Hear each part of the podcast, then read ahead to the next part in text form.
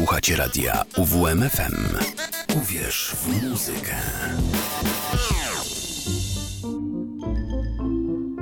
Sowa przed północą.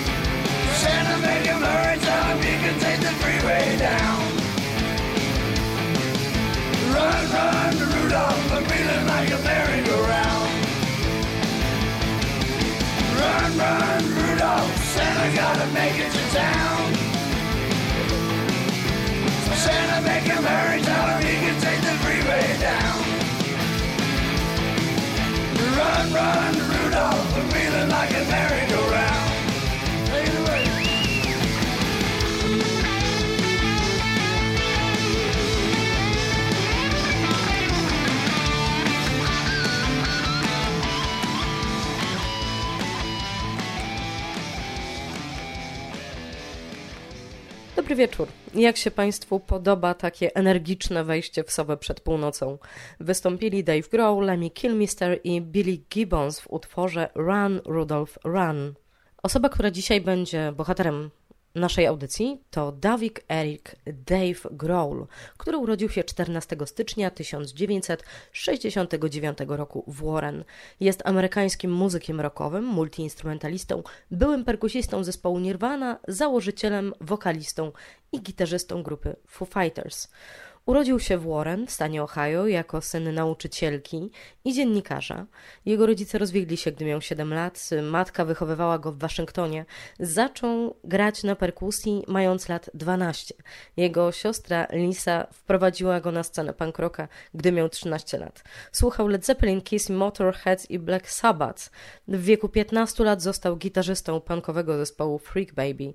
Jakiś czas później Dave zrozumiał, że ciągnie go do perkusji i uczył się grać na improwizowanej perkusji, która składała się z domowych sprzętów. Był samoukiem, typowym perkusistą intuicyjnym i przeniósł kiepskiego bębniarza na posadę gitarzysty basowego, a sam zajął jego miejsce, stając się tym samym nowym perkusistą Freak Baby. W 1985 roku został perkusistą. Powinniście kojarzyć go Państwo właśnie między innymi z współpracą z różnymi zespołami, jak Will Thief czy Nine Inch Nails, albo ewentualnie Queens of the Stone Age.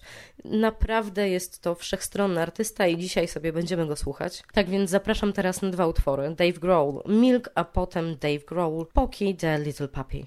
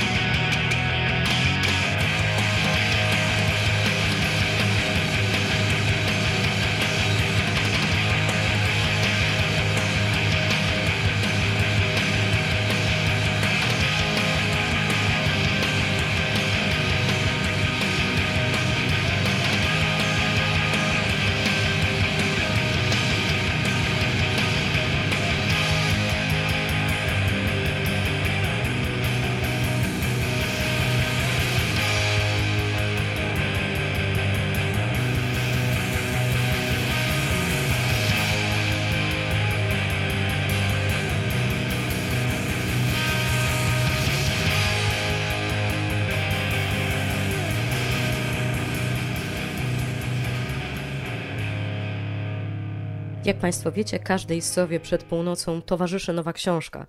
Dzisiaj skupimy się na Życie na rock'n'rollowo Paula Birningana, które opowiada o Dave'ie Growlu, a dokładniej Dave Grohl This is a Call. Oto moje powołanie. Dave Grohl właśnie dał mi w twarz. Jest blady świt 20 grudnia 2005 roku. Siedzimy razem w jednym z londyńskich barów, chociaż żaden z nas tego nie planował. Growl powinien być w Irlandii i zbierać siły przed koncertem, który Foo Fighters mają zagrać w ośmiotysięcznej sali Point Deport w Dublinie. Ja wyskoczyłem do Crowbar na szybkie przedświąteczne piwko z kumplami, ale czasem, zwłaszcza w naszym przypadku, ludzi, w których żyłach płynie irlandzka krew, tak się zdarza, że wieczór w barze zaczyna nagle żyć własnym życiem.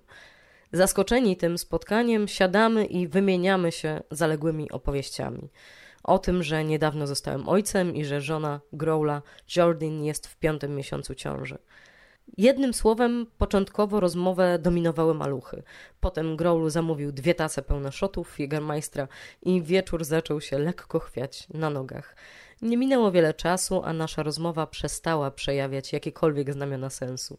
Szafa grająca w Crowbar wypełniała noc dźwiękami Metaliki, Minor Threat, Venom, Black Flag Slayera i Sex Pistols, a my zaczęliśmy robić to, co panowie w pewnym wieku zazwyczaj robią, słuchając w amoku alkoholowych, głośnych dźwięków rockowej muzy.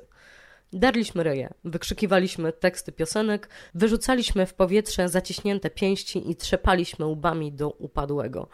I właśnie tym samym środku tego szaleństwa Dave Grohl poprosił mnie, żebym dał mu w twarz. To taki prastary sposób na zacieśnianie męskiej przyjaźni, który rozumieją tylko najtwardsi miłośnicy ciężkiego brzmienia. Nie mogę, zaprotestowałem. Czemu nie? No bo przecież ty jesteś Dave Grohl, wymamrotałem. No dobra, to ja pierwszy, zdecydował. To mówiąc, uśmiechnięty lider Foo Fighters wymierzył mi siarczystego prawego sierpowego, który niemal oderwał mnie od lepkiej podłogi barowej. Z czystej grzeczności nie wypadało mi zrobić nic innego, jak tylko mu oddać. Taki jest początek książki Paula Birningana Dave Grohl This is a Call, oto moje powołanie. Tłumaczeniem zajęły się Aleksandra Machura, Ewa Magiera i Mirko Kuflewicz. Pojawiła się ta książka w Krakowie w 2013 roku, natomiast wydało ją wydawnictwo SQN. Ale teraz już śpieszymy się z muzyką, bo czas nam nieubłaganie płynie, więc teraz David Grohl zaśpiewa Throwing the Needles, a potem razem z Rickiem Springfieldem i Nate Mandelem The Man That Never Was. Jeszcze raz witam w sobie przed północą. Marta Wróblewska jest przy mikrofonie. Jeszcze przez całą tę godzinę będziemy słuchać Dave'a Growla. Zapraszam.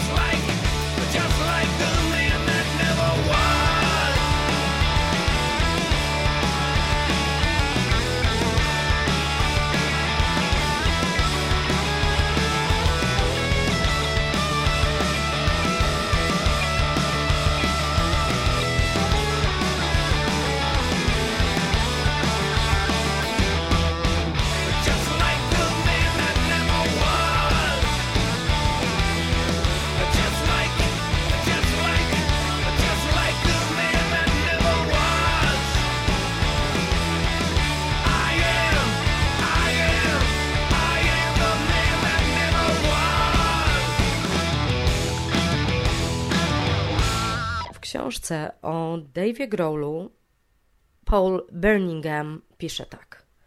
Dla Growla Cepelini byli kwintesencją zespołu rockowego. Eksperymentujący, ambitni, tajemniczy, niebezpieczni zmysłowi i niewiarygodnie sprawni muzycznie. Zdolni jednym drgnięciem piórka Jimiego zmienić burzliwe, bluesowo-rockowe melodie w delikatne, akustyczne kołysanki – Fakt, że amerykańscy krytycy gardzili Cepelinami mimo późniejszych prób wycofania się z tej opinii, w recenzji debiutanckiego albumu grupy, która ukazała się w Rolling Stone 12 stycznia 1969 roku, dwa dni przed narodzinami Growla, opisywano zespół jako słaby i pozbawiony wyobraźni tylko wzmocnił ich pozycję w oczach Dave'a. Jego zdaniem gitarzysta Page Odpowiedzialny za lekkość i magię cepelinów był geniuszem wcielonym, a basista John Paul Jones muzycznym gigantem.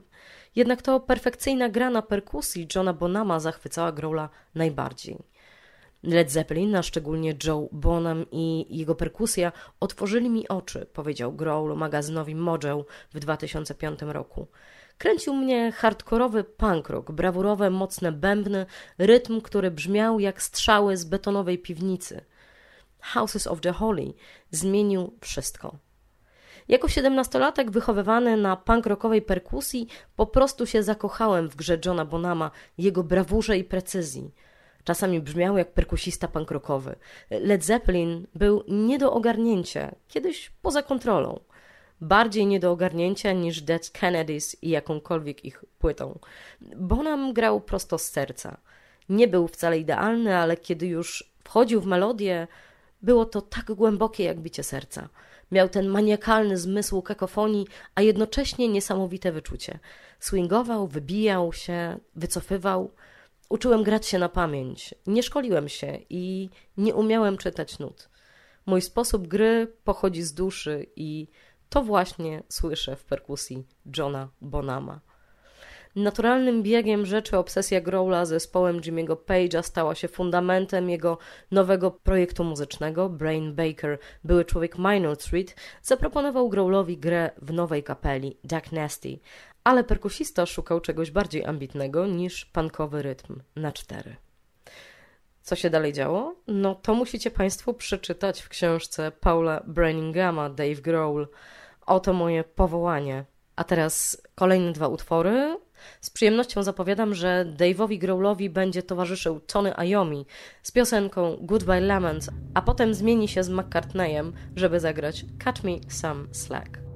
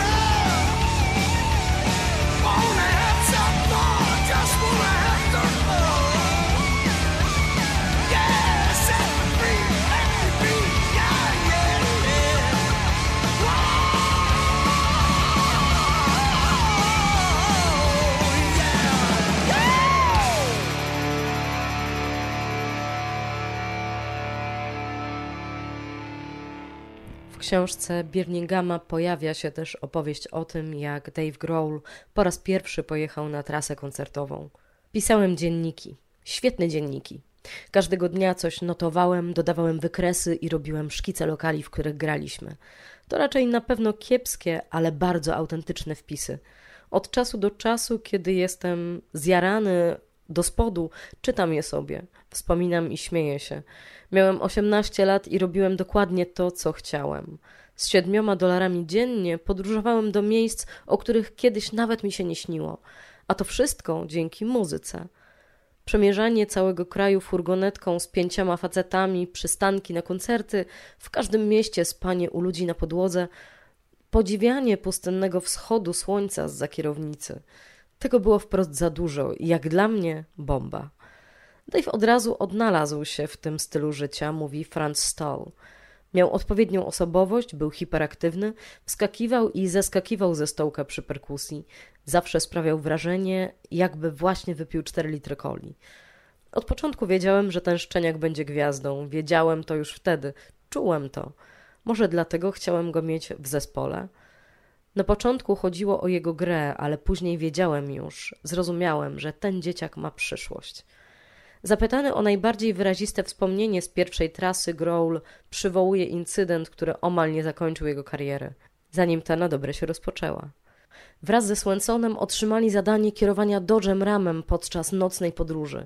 Na nieszczęście dla pozostałych pasażerów nieodpowiedzialny duet był bardziej zainteresowany testowaniem nowego sprzętu do palenia trawki o nazwie Easy Rider Aquapipe.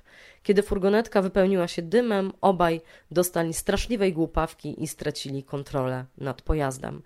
Śmialiśmy się histerycznie, bo prawie się nie widzieliśmy, wspomina Growl. Patrzyłem na twarz Jimmy'ego, a on patrzył na mnie wielkimi, przekrwionymi oczyma. Gdy nagle samochód zaczął warczeć, bo zjechaliśmy z drogi. Jechaliśmy ponad 100 km na godzinę i furgonetka po prostu się trzęsła. Wszyscy pobudzili się w swoich śpiworach w tej chmurze dymu. Nie pozwolono nam już więcej prowadzić. Takie wspomnienie tego, co działo się w trasie koncertowej. Teraz pojawią się znowu goście Dave'a Growla. W pierwszym utworze pojawi się Stevie Nicks i Rafi Jaffe z piosenką You Can't Fix This, a potem razem z Davidem Growlem wystąpi Jesse Drini i Jim Keltner If I Were Me.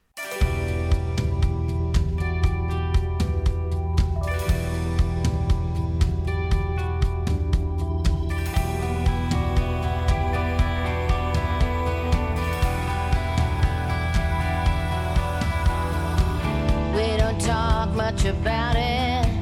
It goes back so many years. All the times we almost didn't make it. We stay clear. Dancing with the devil. Call it respect, call it fear. But we never allowed the devil to come to the party.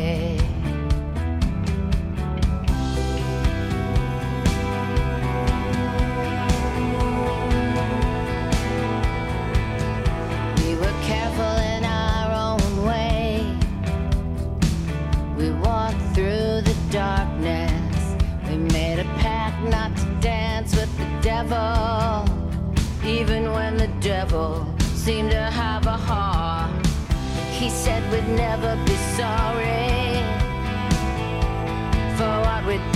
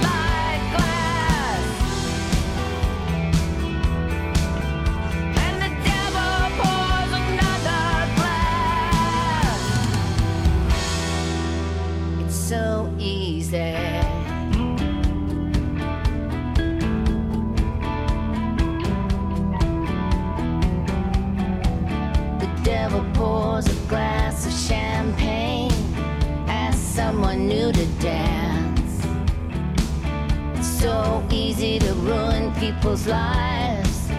Twirls around, starts to laugh. Tear up the invitation. Hear the bells ring on the hour. Twirls around, and he laughs. He said we'd never be sorry for what we did.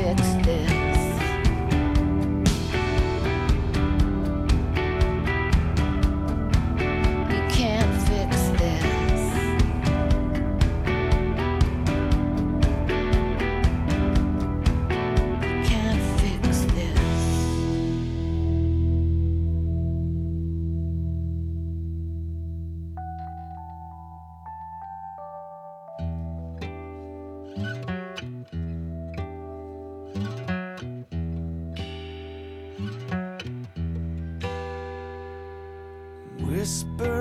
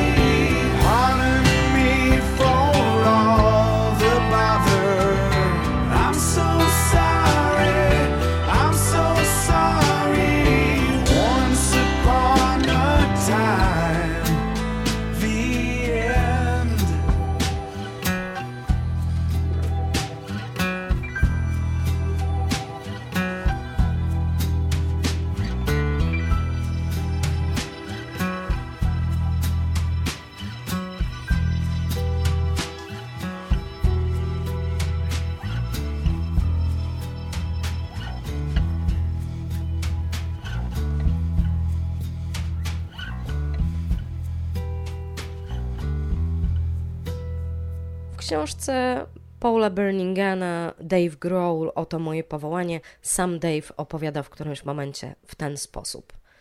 Jeżeli przeczytacie moje dzienniki, zauważycie, że podczas trasy spadało nam morale. Walka była coraz trudniejsza, mimo że miałem dopiero 21 lat, zaczynałem kwestionować swoją życiową decyzję. Zastanawiałem się, czy naprawdę chcę być bezdomny przez resztę życia. Jeden wpis z Nowego Orleanu mówi o tym, jak przez wiele godzin stałem na jakiejś ulicy, na kompletnym zadupiu, czekając, aż przyjadą po mnie kumple. Nie miałem pieniędzy, jedzenia ani niczego do zapalenia. Nic. Byłem zdany na siebie bez żadnej możliwości ratunku. Miałem tylko plecak i dziennik. Tego dnia dałem długopisowi popalić i opisałem wszystkie rzeczy, których miałem dość. A miałem dość nieposiadania niczego, miałem dość bycia głodnym, dość bycia zagubionym, byłem zmęczony byciem zmęczonym. Chciałem po prostu pojechać do domu i pracować w furniture warehouse, mieć gdzie wziąć prysznic i w nocy iść spać jak człowiek, a za dnia otaczać się rodziną i przyjaciółmi. Minęły trzy czy cztery lata od mojej osiemnastki i uwielbiałem każdą chwilę spędzoną przy bębnach, ale byłem wymęczony walką, a żadna inna opcja nie istniała. Kiedy dotarliśmy do Los Angeles, zniknął Skitter. Obudziliśmy się pewnego ranka, a jego nie było. Mieliśmy tego wieczoru występ w klubie The Gaslight. Czekaliśmy, czekaliśmy i zastanawialiśmy się, kiedy powinniśmy go odwołać. Nie pojawił się do dziewiętnastej, więc odwołaliśmy. Następnego wieczoru mieliśmy grać w San Diego. Czekaliśmy, czekaliśmy. Zaczęliśmy wszystkich obdzwaniać i pytać, czy widzieli Skitera. Nikt nie widział. Po prostu zniknął. To był koniec i znaleźliśmy się w czarnym korytarzu. Książka napisana jest fantastycznie, jest bardzo energetyczna i Growl nie kryje w niej pretensji do świata, które się w nim jako w młodym człowieku pojawiały, ale pisze też bardzo dużo o swoich odczuciach i właśnie rozwoju muzycznym, który był dla niego tak niesamowicie istotny. Ja Państwa bardzo zachęcam do tego, żeby tę książkę przeczytać i mam nadzieję, że chwycicie za nią w wolnej chwili. Ja się teraz z Państwem żegnam. Marta Wróblewska była z Państwem, a słuchaliście Sowy przed północą w radiu UWM FM. Teraz dwa utwory na zakończenie tej naszej audycji. Nirvana Stay Away, a potem Dave Grohl wystąpi z Bradem Wilkiem i Chrisem Gossem. Time Slowing Down. Ja jeszcze raz serdecznie dziękuję Państwu za obecność i słyszymy się w przyszłym tygodniu, w poniedziałek o 23 w tym samym radiu UWM FM. Do usłyszenia i miłego tygodnia, Szanowni Państwo.